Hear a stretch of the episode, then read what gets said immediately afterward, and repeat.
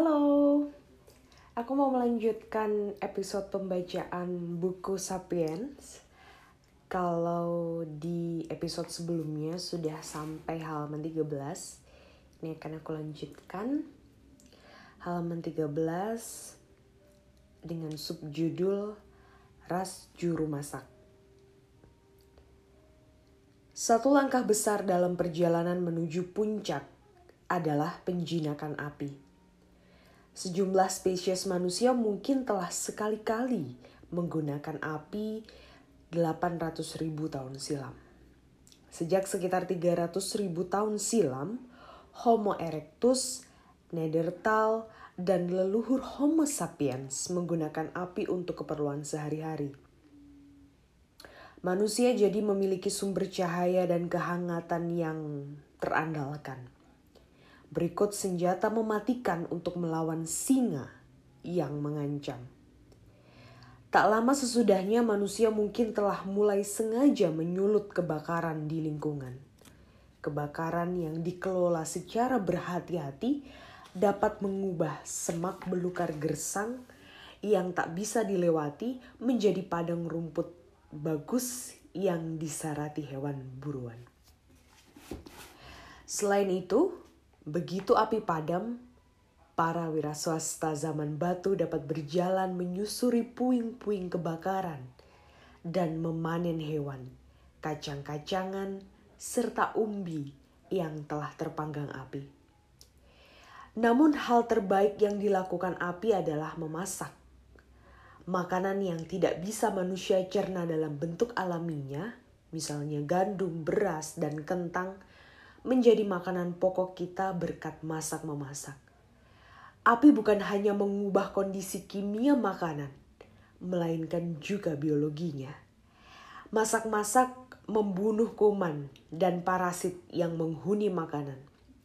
Manusia juga menjadi jauh lebih mudah mengunyah dan mencerna makanan kesukaan seperti buah-buahan, kacang-kacangan, serangga, dan bangkai setelah semua itu dimasak. Sementara simpanse menghabiskan lima jam sehari mengunyah makanan mentah, satu jam sudah cukup bagi manusia untuk menyantap makanan yang dimasak. Kemajuan masak-memasak memungkinkan manusia memakan lebih banyak jenis makanan, menghabiskan lebih sedikit waktu untuk makan, serta bersantap bersantap dengan gigi-gigi yang lebih kecil dan usus yang lebih pendek. Sejumlah cendekiawan percaya ada kaitan langsung antara kemajuan masak-memasak, memendekkan usus manusia, dan pertumbuhan otak manusia. Karena usus yang panjang dan otak yang besar sama-sama rakus energi, sulit untuk memiliki keduanya sekaligus dengan memperpendek usus dan menurunkan konsumsi energi, masak-memasak tanpa sengaja membuka jalan untuk otak jumbo, Neanderthal, dan Sapiens. Api juga memunculkan jurang besar pertama antara manusia dan hewan-hewan lain. Kemampuannya nyaris semua hewan bergantung kepada tubuh mereka. Kekuatan otot, kekuatan gigi, lebar sayap, Walaupun bisa memanfaatkan angin dan arus, mereka tidak mampu mengendalikan gaya-gaya alam lain dan selalu terbatas oleh rancang bangun tubuh mereka. Raja Wali misalnya mencari udara panas yang naik dari tanah, merentangkan sayap lebar-lebar dan membiarkan udara panas itu mengangkatnya ke atas.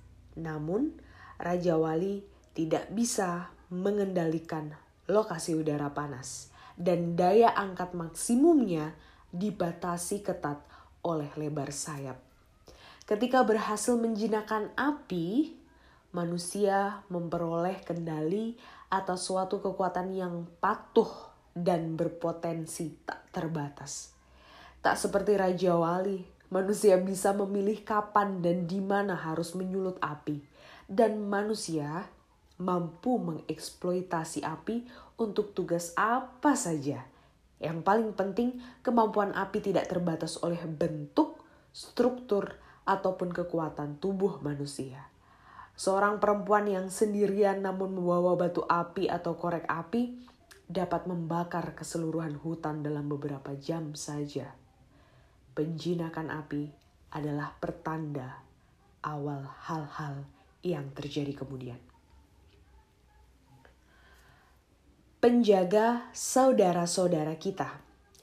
Terlepas dari manfaat api, 150 ribu tahun lalu manusia masih merupakan makhluk pinggiran.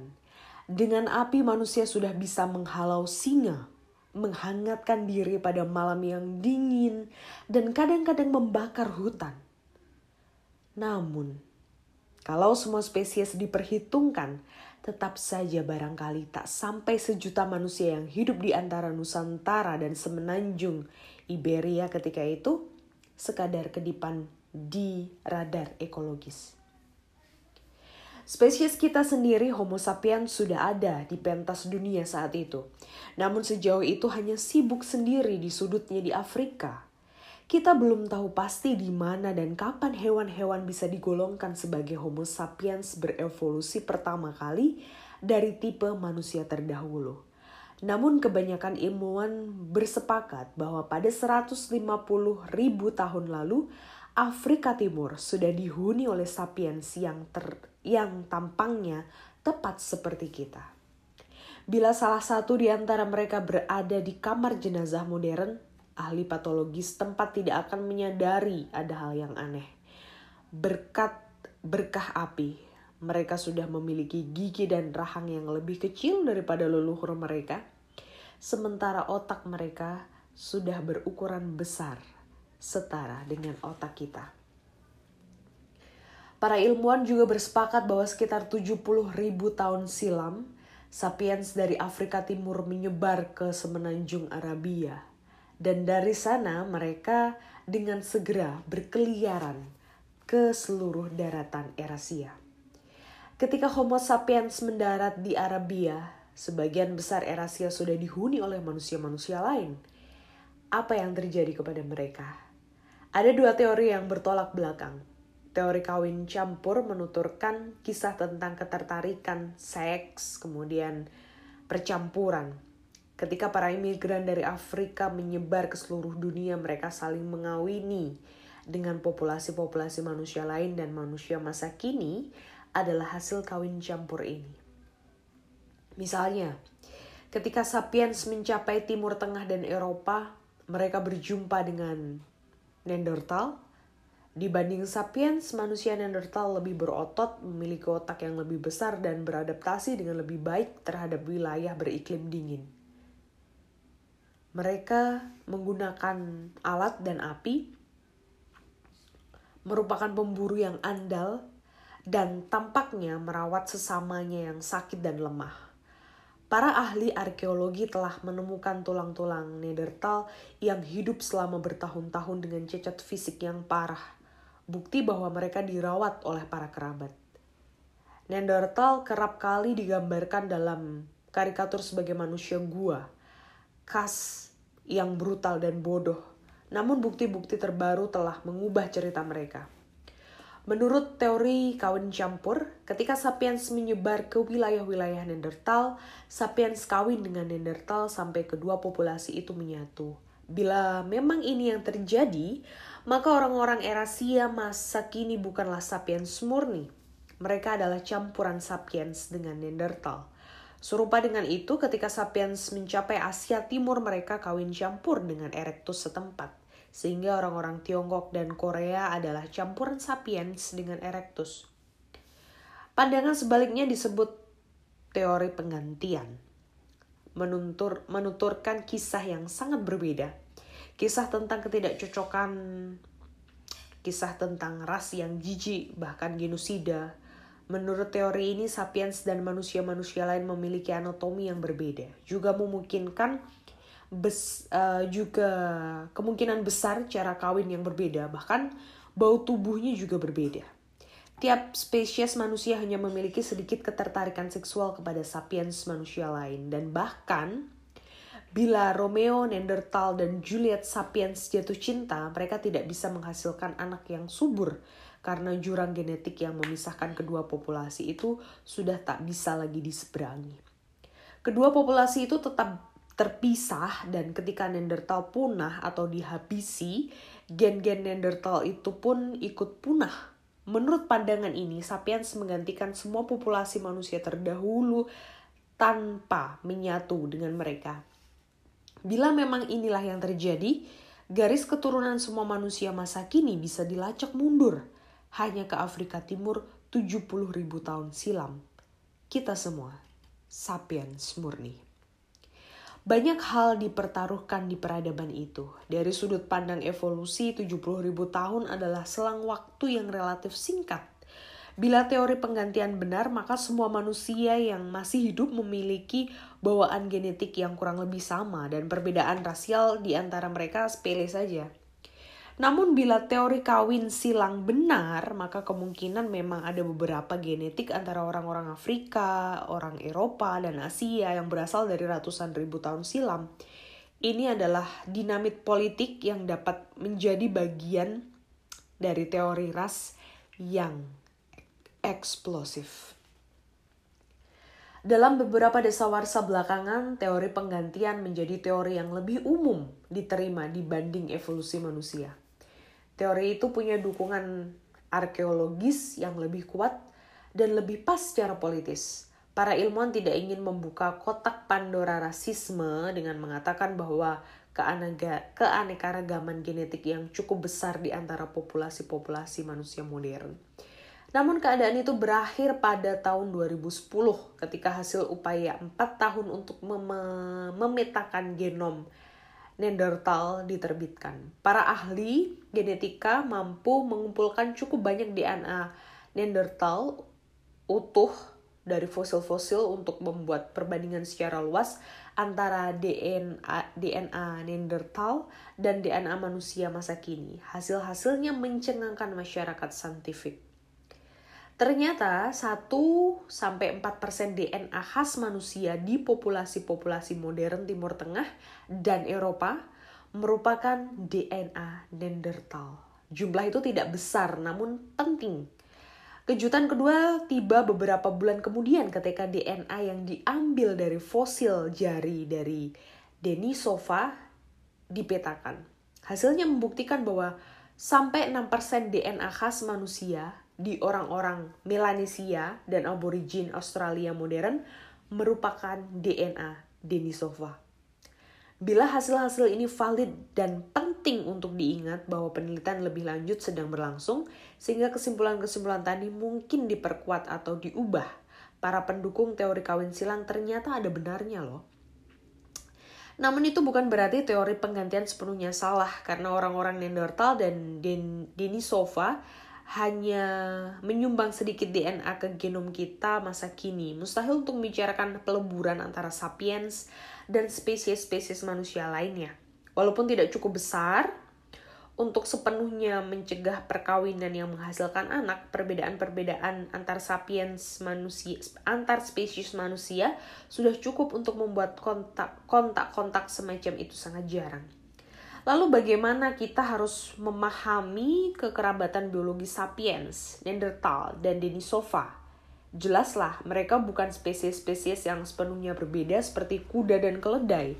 Di sisi lain, mereka bukan sekadar populasi-populasi berbeda dalam spesies yang sama, seperti bulldog dan spaniel.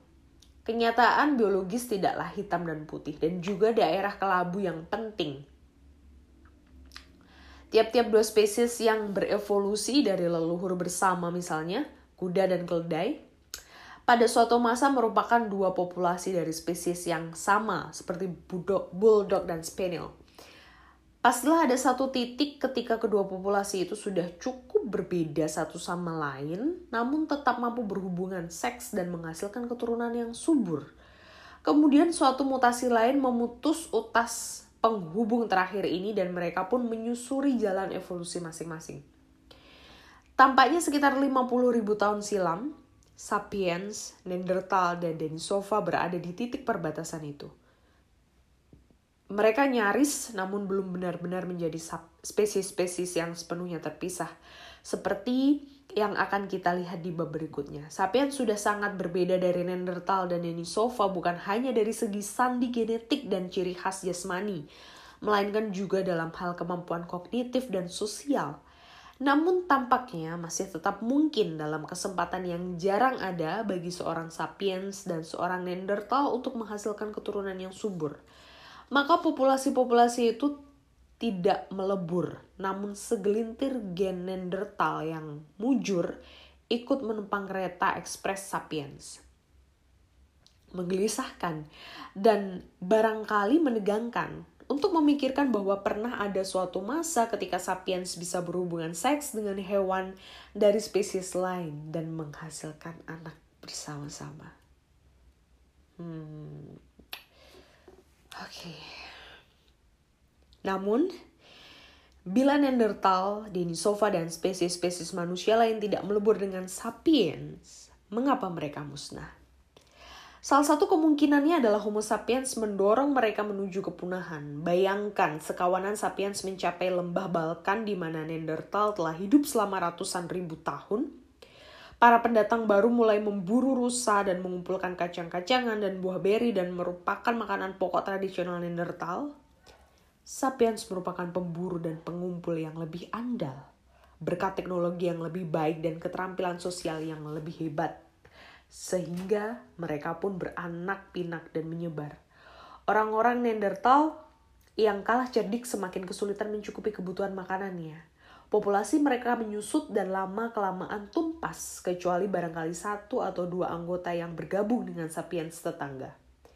Kemungkinan lain adalah persaingan memperebutkan sumber daya menjadi sedemikian sengit sampai-sampai melibatkan kekejaman dan genosida Toleransi bukan ciri khas sapiens. Pada zaman modern, sedikit perbedaan kecil dalam hal warna kulit, logat, atau agama sudah cukup untuk memicu sekelompok sapiens untuk berupaya memusnahkan kelompok yang lain.